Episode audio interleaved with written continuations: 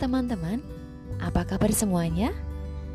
Saya harap teman-teman selalu dalam keadaan sehat dan tetap menjalankan protokol kesehatan dengan tertib.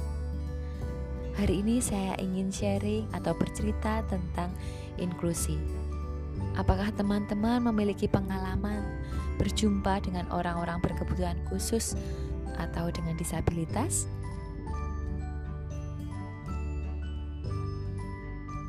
Apakah teman-teman memiliki bayangan bagaimana mereka bisa berinteraksi atau bisa belajar dengan baik?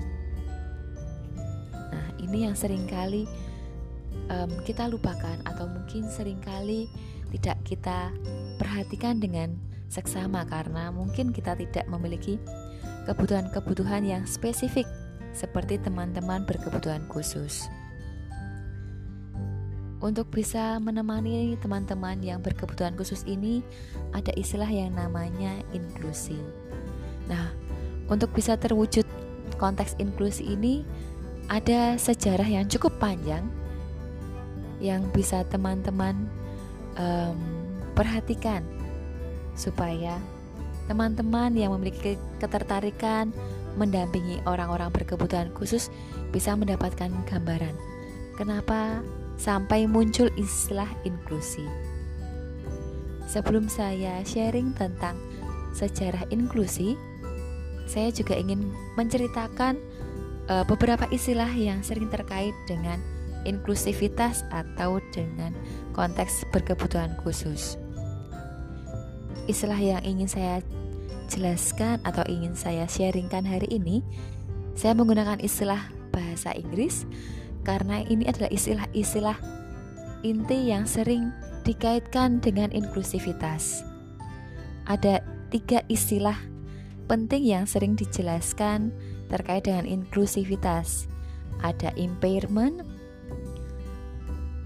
kemudian disability, dan yang terakhir adalah handicap. Nah, apa sih yang dimaksud dengan impairment? Apakah teman-teman sudah pernah uh, membaca atau mencari tahu apa yang dimaksud dengan impairment.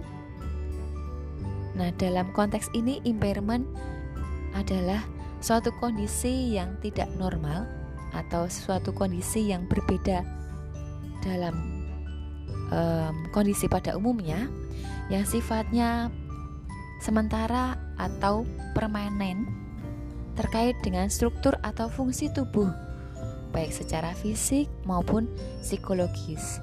Dan kondisi ini bisa berdampak pada fungsi-fungsi um, fisik maupun psikologis seseorang.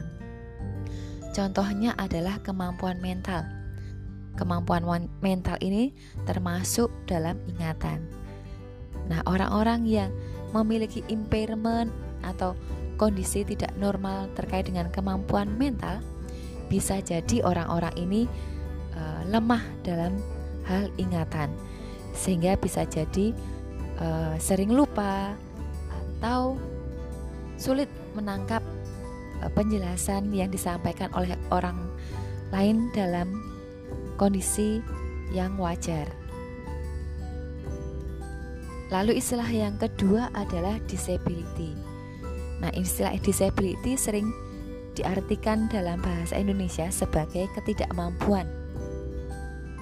Nah, disability ini adalah suatu keadaan aktual atau keadaan nyata atau ketidakmampuan seseorang untuk melakukan berbagai kegiatan secara mandiri. Dan disability ini umumnya diakibatkan karena adanya impairment. Contohnya adalah orang buta atau orang tuli Nah, orang buta memiliki ketidakmampuan untuk melihat dan orang tuli memiliki ketidakmampuan untuk mendengar. Nah, ini yang dikatakan sebagai disability. Lalu istilah yang ketiga adalah handicap. Handicap kalau diartikan dalam bahasa Indonesia bisa diartikan sebagai rintangan atau hambatan.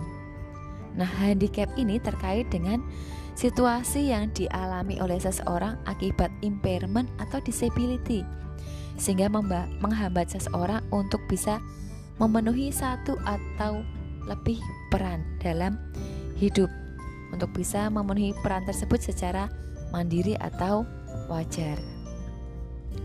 Nah, um, kondisi ini bergantung pada usia, jenis kelamin, dan faktor sosial budaya seseorang. Contohnya adalah adanya prasangka yang diberikan oleh masyarakat terhadap orang tuli. Masyarakat bisa jadi menganggap orang tuli itu lemah secara kognitif dan sulit untuk beradaptasi, sehingga e, masyarakat berpandangan orang orang-orang tuli ini akan sulit diajak bekerja sama atau sulit mengikuti pendidikan hingga tingkat perguruan tinggi. Nah, ini tiga istilah yang sering kali dikaitkan dengan inklusivitas dan sedikit ilustrasi yang bisa membedakan ketiga istilah tersebut. Selanjutnya terkait dengan sejarah inklusi. Apakah teman-teman sudah pernah membaca atau mendengar apa sih yang dimaksud dengan inklusi dan bagaimana bisa muncul konsep inklusi? Bagi teman-teman yang uh, pernah membaca konsep inklusi setidaknya ada empat masa sampai munculnya konsep inklusi.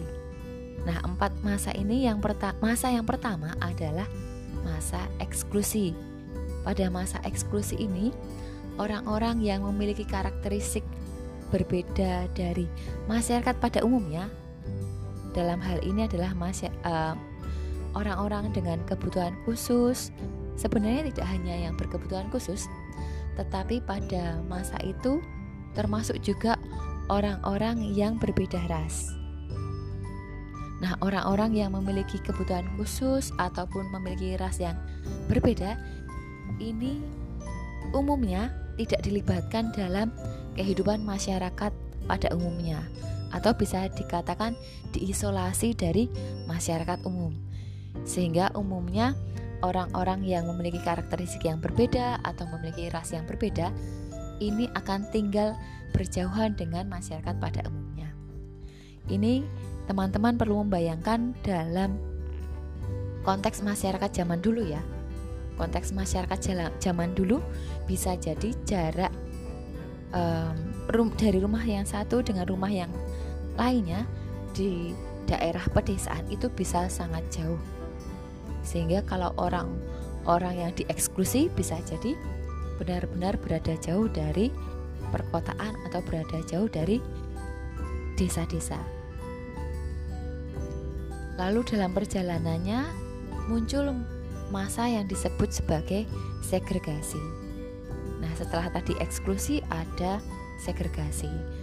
Pada masa segregasi ini, masyarakat mulai ada perhatian terhadap orang-orang yang memiliki karakteristik khusus ataupun memiliki um, latar belakang yang berbeda. Namun dalam masa segregasi ini tetap ada kotak-kotak um, atau ada klasifikasi. Jadi ada komunitas sendiri, uh, misalnya ada komunitas, komunitas orang kulit putih dan ada komunitas orang kulit hitam secara terpisah. Begitu juga fasilitasnya. Fasilitas orang kulit putih sendiri, fasilitas untuk orang kulit hitam tersendiri. Begitu juga bagi orang-orang yang memiliki uh, kebutuhan khusus juga memiliki uh, mendapatkan fasilitasnya tersendiri. Lalu dalam perjalanannya ada perjuangan supaya kedua kubu atau kedua komunitas ini bisa berbaur secara lebih intensif. Muncullah masa yang disebut sebagai masa integrasi. Pada masa integrasi ini sudah mulai ada penggabungan antara kelompok masyarakat pada umumnya dan kelompok masyarakat yang memiliki kebutuhan khusus ataupun memiliki karakteristik-karakteristik yang berbeda. Meskipun dalam beberapa hal masih ada penggolongan atau masih ada fasilitas yang dibedakan. Tetapi setidaknya sudah ada interaksi antara kedua golongan atau kedua komunitas ini. dan dalam perjalanannya barulah muncul konsep yang dinamakan inklusi atau masa yang terakhir disebut sebagai inklusi. Pada masa inklusi ini dikatakan individu berkebutuhan khusus dan juga masyarakat pada umumnya atau individu yang memiliki karakteristik yang berbeda itu memiliki uh, kesempatan secara lebih luas untuk bisa berbaur dengan masyarakat pada umumnya. Jadi pada masa inklusi ini diharapkan semua masyarakat baik yang karakteristiknya berbeda maupun masyarakat pada umumnya itu bisa berinteraksi dengan lebih leluasa. Jadi tidak ada lagi penggolongan-penggolongan atau tidak ada kelas-kelas um, yang membedakan kedua uh, golongan atau dua kelompok ini. Nah, itu sekilas tentang sejarah uh, terwujudnya inklusivitas. Nah, sebenarnya untuk bisa mem, uh, muncul konsep inklusivitas sejarahnya ini cukup panjang. Untuk um, sejarah panjangnya akan saya ceritakan atau saya sharingkan di waktu yang berbeda. Untuk penjelasan kali ini akan saya akhiri sampai di sini. Semoga sharing saya hari ini bisa uh, membantu teman-teman mendapatkan informasi atau uh, pengetahuan lebih tentang orang-orang berkebutuhan khusus dan juga ter terutama terkait dengan bagaimana bisa muncul konsep inklusivitas. Sampai jumpa di penjelasan atau di sharing selanjutnya. Terima kasih.